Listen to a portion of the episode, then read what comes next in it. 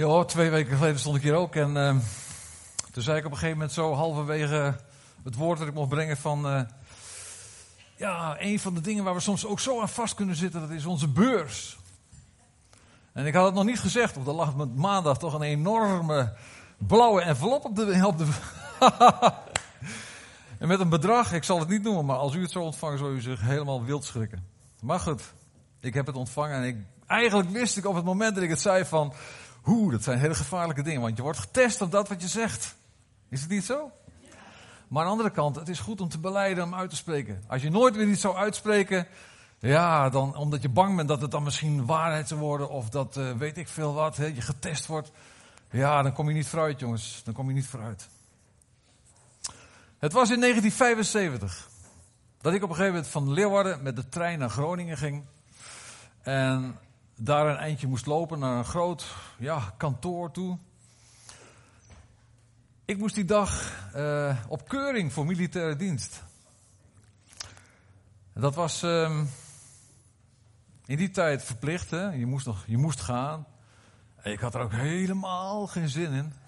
Maar goed, je kon daar niet onderuit. En uh, ja, of je moest je laten afkeuren op S5 of iets dergelijks. Ja, dat doe je niet zo snel, hè? Dat is, uh, dan ben je een beetje de weg kwijt. Dus uh, zover was ik nog niet.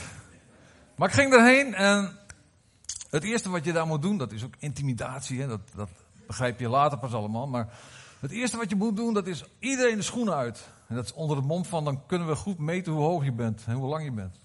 Ja, ja, maar dat is gewoon intimidatie. Want je voelt je gelijk een beetje knullig zo. Hè? Iedereen loopt op de sokken. Eén had de gaten in, de ander had misschien wel, ja, je weet het wel. Even, dat duurde een dag. En ik denk een week later kreeg ik dat briefje thuisgestuurd in de bus. Later kreeg ik nog een briefje dat uh, ik was uh, buitengewoon dienstplichtig, want van, van mijn maand en datum waren er veel te veel. Ik, had vrijstelling gekregen. Maar ik kreeg dat briefje in de bus. En daar stond op, meneer, u heeft bloedgroep B, rhesusfactor positief. Ik denk, dat is goed, hè? Dat is altijd goed. Wie, van u weet wat voor bloedgroep dat u hebt? Oh, allemaal in dienst geweest, zie ik. maar ik denk, wie, wie, wie niet dan? Volgens mij de helft uh, van u weet niet wat voor bloedgroep u hebt. Geen idee, hè? Ah, oké. Dan zal het wel... Uh, uh... Geen militaire dienst Even, ik vond het wel leuk, want er staat gewoon op... Hey Rijn, be positive. Ik denk, dat is een uitdaging. Be positive, yeah, come on. Oké. Ja, nou, ik, uh, ik kreeg dat in de bus en op een gegeven moment dacht ik van, uh, ik was er van de week zo mee bezig uh, met bloed. Mijn bloedgroep, B positief. Och, heb jij een bij, kerel? Ja, maar ik kan hier, niet lezen wat voor bloedgroep dat jij hebt. A. Even denken. A, daar zijn de meeste van. Heel goed. Oh, allemaal heel maar, jongens. Ja, heel goed. Ik was ermee bezig met, uh, met avondmaal. En ja, ik dacht natuurlijk van uh, het bloed. We hebben allemaal zo 4 tot 5 liter bloed in ons lichaam. We zijn hier met 200 mensen. Er stroomt hier 1000 liter bloed rond. Ja, 1000 liter bloed gaat hier uh, vandaag een aantal keren zo. Een aantal keren, heel wat keertjes heen en weer door onze lichamen. Wat is de belangrijkheid van bloed? Waarom is bloed in de Bijbel zo belangrijk? Ja, wat voor bloedgroep? Wat tot wat voor bloedgroep behoren wij als christenen? Ik heb dan B positief. Ik hoor bij 6% van de Nederlandse mensen. En uh, ja, dat is een heel klein beetje zeldzamer dan A of uh, weet ik wat. Uh, A, A, B, O, O. Maar dat heeft ook een racesfactor. Nou, bloed heeft, is wel heel erg belangrijk. Bloed stroomt door je lichaam en het neemt mee uh, zuurstof natuurlijk. Het, het, het uh, transporteert koolzuur, het transporteert hormonen, suikers, mineralen, vitamine. Het kan delen van medicijnen brengen op de plaats waar het moet zijn. Bloed helpt in de verdediging tegen indringers, bacteriën enzovoort. Bloed heeft ook een stollende eigenschap. als je een dikke splinter, wat ik regelmatig krijg, en je trekt hem eruit en oeh, lops. Maar ja, goed, na een een aantal minuten, dan is het gestol is het weer uh, dicht. Is het beschermd. Bloed kan ook meehelpen om de temperatuur van je lichaam te regelen. Bloed is gewoon heel erg belangrijk. Dat ervaren we allemaal. Als je te veel bloed verliest, ja, dan word je bleek. Niet alleen omdat je te veel bloed verliest, maar omdat je ook bang bent van, oh, gaat het wel goed nu? Wie kan er trouwens niet goed tegen bloed? Ja, kom op, hé. Er moeten er vast meer zijn. 1 op de 200. En jij dan? Jij kan er ook niet tegen, hè? Nee, dat kan in de operatiekamer. ja. Um, het gaat vanmorgen over bloed. Ik was van plan om nog wat, uh, wat dia's te laten zien, maar ik heb daarvan afgezien, want ja, ik had de meest, meest griezelige dingen staan. Ik denk, ja, het, een beetje, het moet binnenkomen. Maar ik denk, dat doen we niet. Ik vond dit al heel wat om mezelf open en bloot te laten zien wie ik, wie ik ben. Er loopt een rode draad door de Bijbel heen. Van Genesis tot openbaringen. Een echt een rode draad. Letterlijk rood. Rood van het bloed. De, draad, de draad van bloed verbindt Genesis met openbaringen. Er wordt meer dan 400 keer in de Bijbel gesproken over bloed of over bloedoffers. Bijna 450 keer. Tussen Genesis en Openbaringen, eigenlijk in alle Bijbelboeken wordt van alles gezegd over bloed en over bloedoffers. Het begint direct al bij uh, uh, de zonen van Adam en Eva. Kain en Abel. Later kregen ze Seth erbij. Kain en Abel die, uh, die op een gegeven moment groter werden. Kain werd landbouwer en Abel werd schaapherder. Die begon vee te weiden zijn schapen. En op een gegeven moment, hoe ze daarbij kwamen, dat wordt niet vermeld in de Bijbel. En, en eh, hoe ze daartoe kwamen. Maar op een gegeven moment hadden ze eh, het idee van, we moeten een offer aan God brengen. God had natuurlijk gewandeld in de hof met hun, met vader en moeder. En daar zullen ze best over gehoord hebben. Uiteindelijk komen ze tot dat punt dat ze zeggen, we gaan God een offer brengen. En Kain als landbouwer, die had fantastische vruchten uh, of, of groentes geteeld. En van die van de vrucht van het land bracht hij een offer. En Abel als schaapherder bracht natuurlijk eh, een van de eerstelingen van de lammeren, de, van de schapen. Een, een lam bracht hij als offer, als bloedoffer, als brandoffer voor de Heer. En dan lees je op een gegeven moment dat hele bijzondere gedeelte. De Heere nu sloeg acht op Abel en op zijn offer. Maar op Kains offer sloeg hij geen acht. Dat was het eerste bloedoffer in de Bijbel, Genesis 4. Het offer van Abel. Later, ja, u kent het verhaal, dan gaat het helemaal verkeerd. Dan eh, wordt Kain jaloers en die slaat uh, zijn broer dood enzovoort. En dan gaan we helemaal naar de andere kant. Het begint bij het bloedoffer van Abel. En de andere kant is, eindigt het in openbaringen. Waar allerlei dingen nog worden gezegd. Tot in het laatste Bijbelboek zien we, bijvoorbeeld in hoofdstuk 5, een lam staande als geslacht. En vers 9, hoofdstuk 5. Want gij zijt geslacht en gij hebt hen voor God gekocht met uw bloed. Dus daar, ook in het laatste Bijbelboek, daar wordt dat telkens weer herhaald. Het bloed is ontzettend belangrijk in het woord van God. Bij speciale gelegenheden werd, uh, werden er ook offers gebracht. En even een aantal hoofdstukken verder in Genesis zie je dat na de zondvloed, nadat de wereld vergaan was door water en door een zondvloed, um, dan dobbert Noach daar rond met, met zijn gezin en met al die dieren. En uiteindelijk, als hij dan uh, weer vast land heeft, dan stapt hij uit. En het eerste wat hij doet, dat is een offer brengen aan God. Hij bouwt een altaar en hij brengt daar een offer, uh, een brandoffer voor de Heer. Ik denk dat hij, of ondertussen waren er misschien dieren geboren, maar hij zal niet van de, de twee schaapjes die hij mee had, er eentje geslacht hebben, want dan ging het hele verhaal niet door. Dan hadden we nu geen schapen meer gehad. Hij zal erover nagedacht hebben. In zijn er misschien beestjes geboren. Dus hij bracht een offer. En dan staat er zo mooi bij, dat, bij die speciale gelegenheid. Uh, Noach bouwt een altaar, brengt brandoffers voor de Heer. In Genesis 8. En toen de Heere de liefelijke reuk rook zei de Heer bij zichzelf: Ik zal de mensheid niet weer vervloeken. En ik zal hen niet weer slaan zoals ik gedaan heb. Toen de Heere de liefelijke rook reuk. Dat, brand, dat brandoffer wat, wat Noach bracht met, samen met zijn gezin. Je ziet, die bloed en die brandoffers die brengen iets teweeg in het hart van God. Toen hij de liefelijke reuk rook, dacht hij, ik ga dit niet weer doen. Dat staat er. Dus die offers die gebracht worden, die, die, die brengen iets teweeg in het hart van God. Gods toren en boosheid vanwege zonde en ongerechtigheid over de mens wordt afgewend als een offer wordt gebracht. Waarbij bloed is gevloeid. Bloed voor bloed en leven voor leven. Dat lees je hier en daar ook in de Bijbel. Bloed voor bloed. Dus de schuld, de zonde, de, de vuiligheid, de ongerechtigheid die op jou is.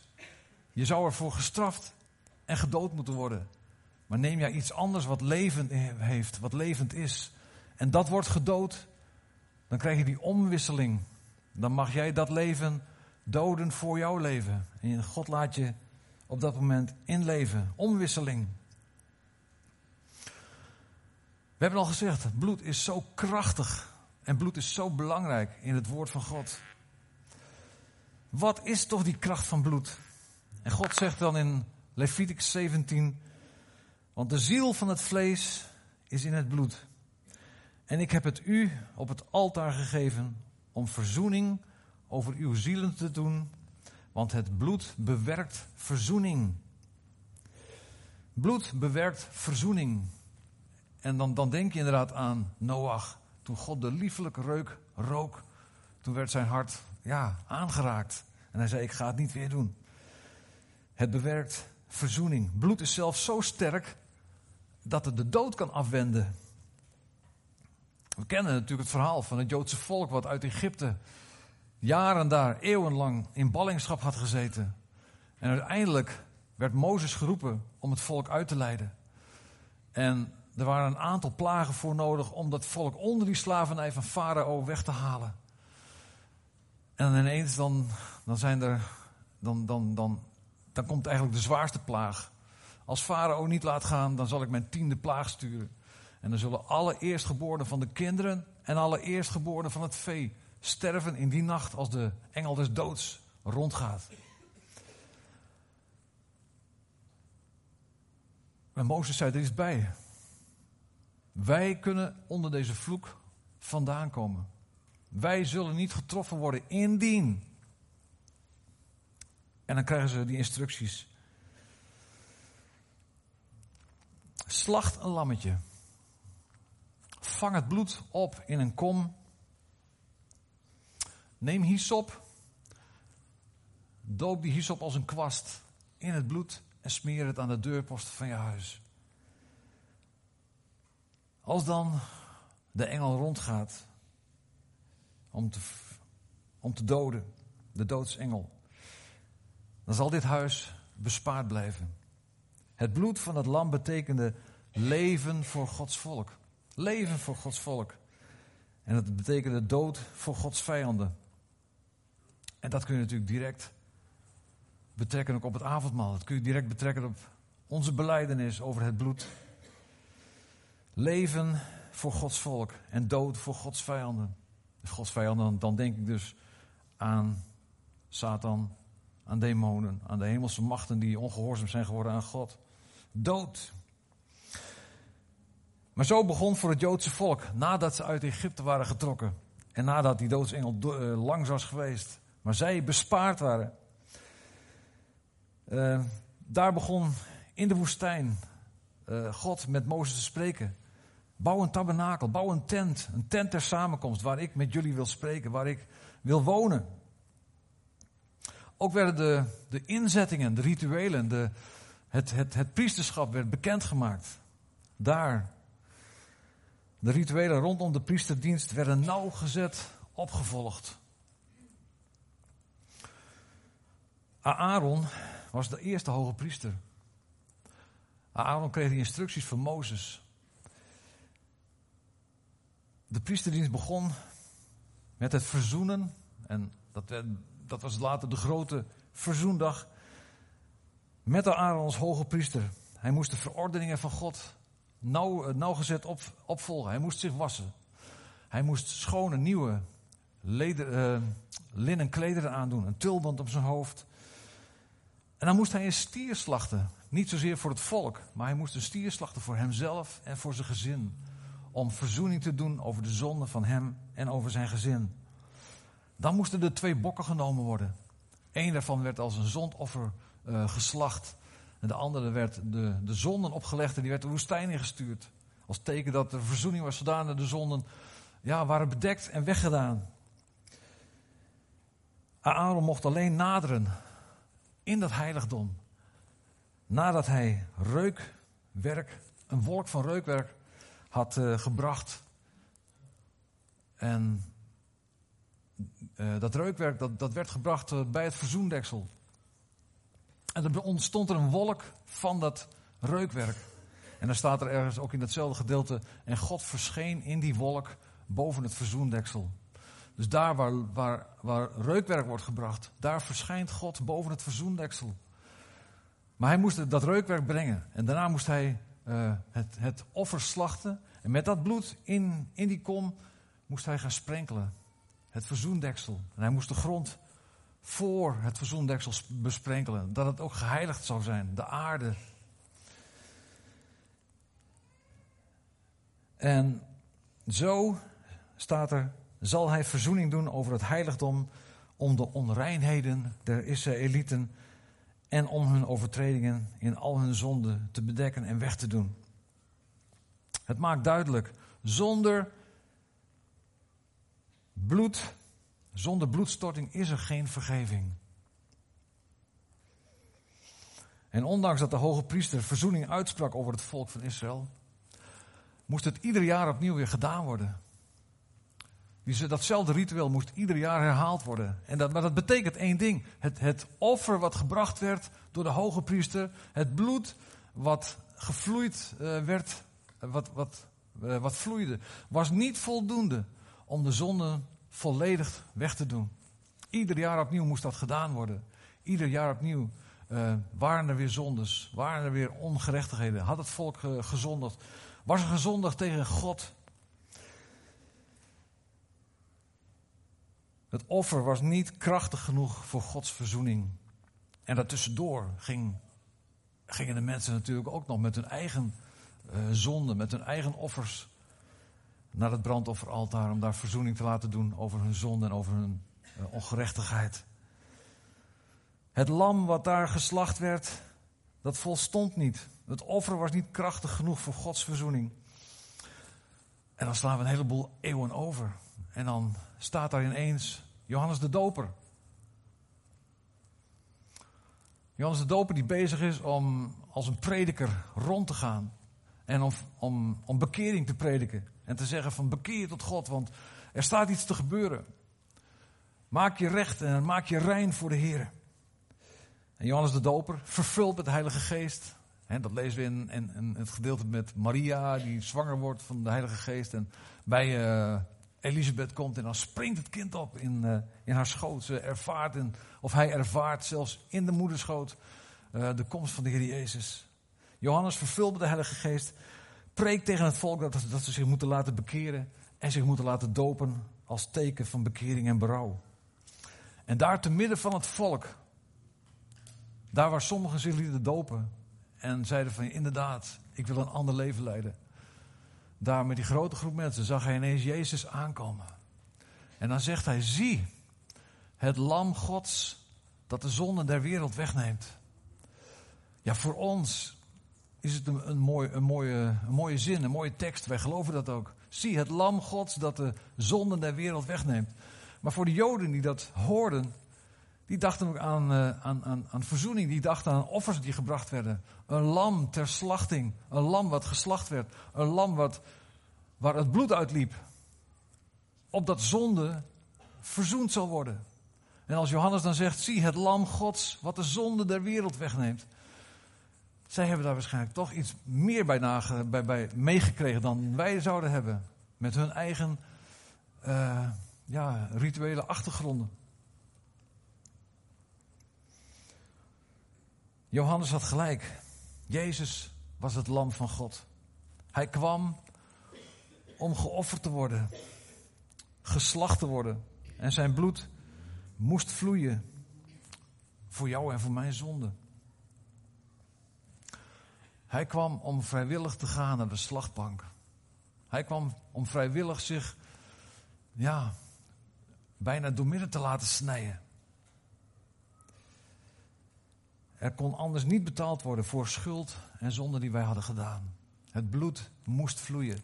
Maar het moest een volmaakt lam zijn, wat krachtig genoeg was om niet alleen zonde te bedekken, maar om zonde weg te doen. En dat zijn twee hele verschillende dingen.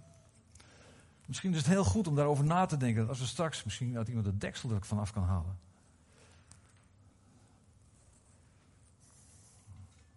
Ja.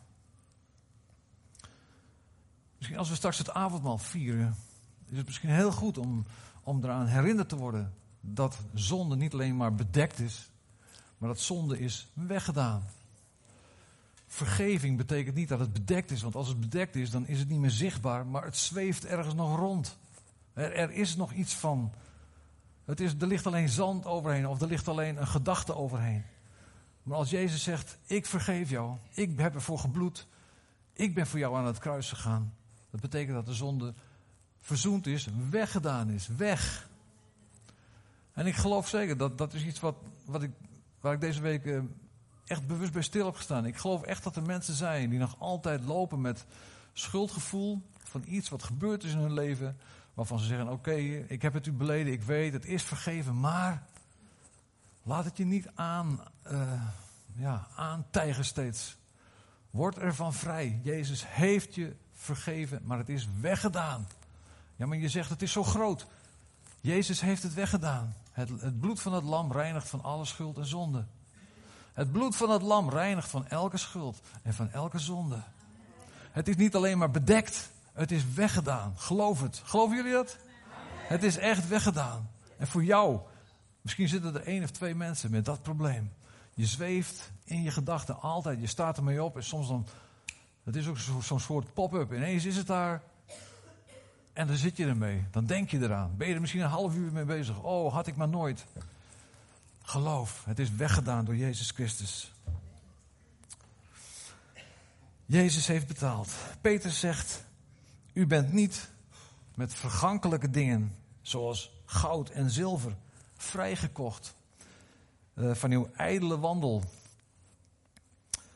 die u van de Vader overgeleverd heeft, maar met het kostbare bloed van Christus, als van een onberispelijk en smetteloos lam. Daar ben je mee vrijgekocht met het bloed van Jezus Christus. Hier wordt Jezus weer vergeleken met dat Pesachlam dat zijn bloed gaf en dat de mensen aan de deurposten moesten smeren. Nou zeggen wij dat ook wel eens tegen elkaar. Hoe mooi zou het zijn als we dat uh, zouden kunnen doen. En we zeggen het, maar werkt dat op die manier ook?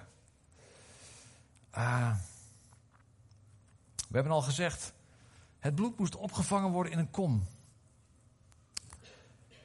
Nou kon het lam geslacht worden. Uh, even kijken, dus in mijn tas zit een Bijbel. Kan je dat misschien even geven? Dan kon het bloed opgevangen worden in een kom. Maar het, het idee dat de doodsengel voorbij ging was natuurlijk angstaanjagend. Denk je wel. Was natuurlijk angstaanjagend voor de mensen daar in Egypte met die laatste plaag. Dus, en Mozes had gezegd: Doe het, slacht dat lam, vang het bloed op in een kom. Ze hebben dat gedaan. De huisvaders, de mannen, die hebben dat lam geslacht en ze hebben het bloed opgevangen in een kom.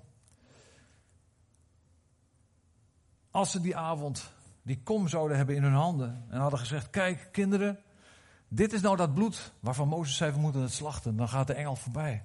Kijk eens hoe mooi, hoe dat kostbare bloed. Het heeft het, leventje, het leven gekost van dat lammetje. En ze hadden het niet aan de deurposten gesmeerd. Dan was de engel niet voorbij gegaan. Ze hadden het in de handen. Wat moesten ze doen? Die hyssop pakken en het dopen en aan die deurposten smeren.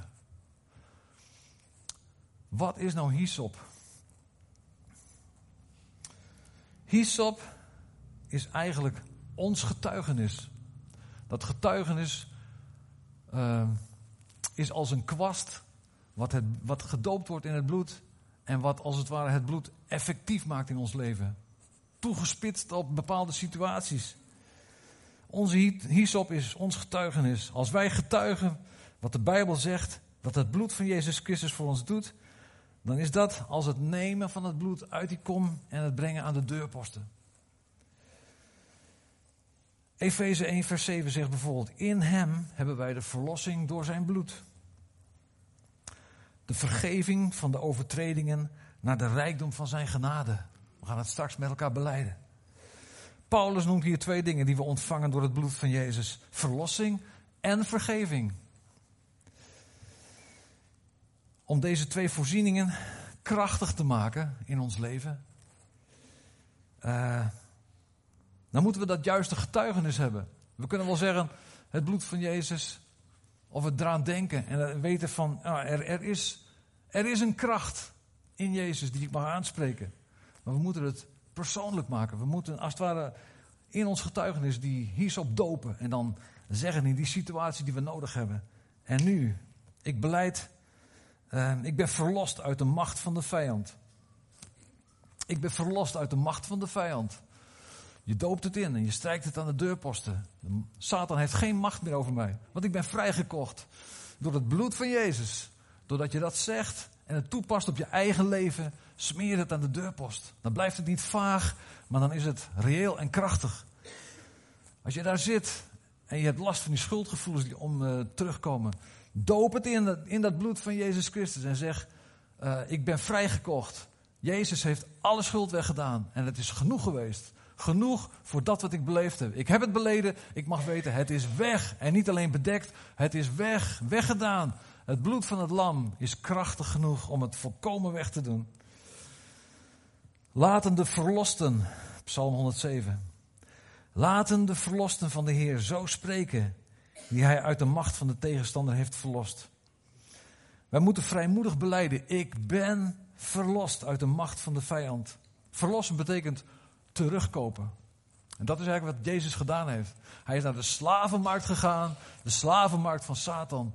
En is daar binnengelopen en heeft gezegd: Vrij in Jezus. Of nee, Jezus, dat zei hij niet. In mijn naam. Vrij. Ik spreek dit woord uit. Hij heeft het ons teruggekocht. Ooit waren we zondaars, uitgestald en te koop gezet daar op die markt. Maar hij kocht ons terug uit het bezit en invloed van Satan met zijn kostbare bloed.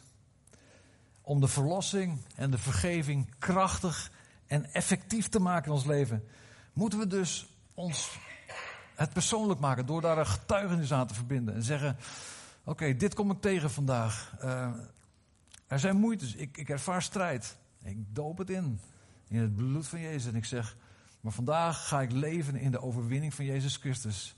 En Satan krijgt me er niet onder vandaag. Of ik voel me niet lekker.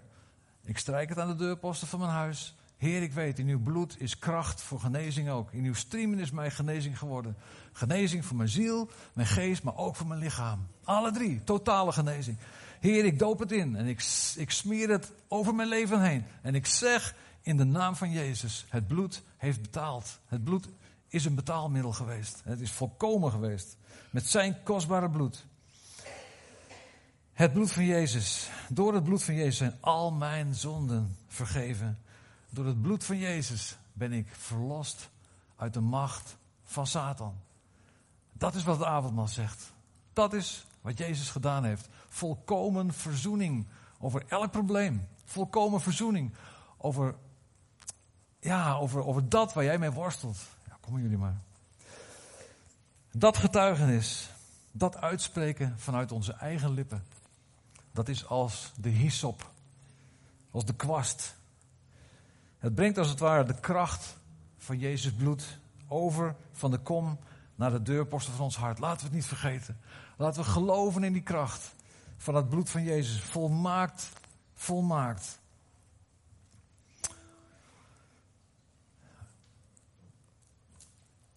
We gaan zometeen dat avondmaal met elkaar vieren. Zometeen zal ook de, het brood rondgaan.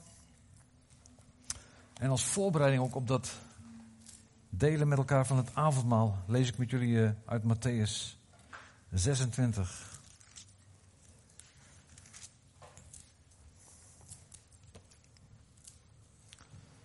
Vanaf vers 26. Dat gaat over de instelling van dat avondmaal.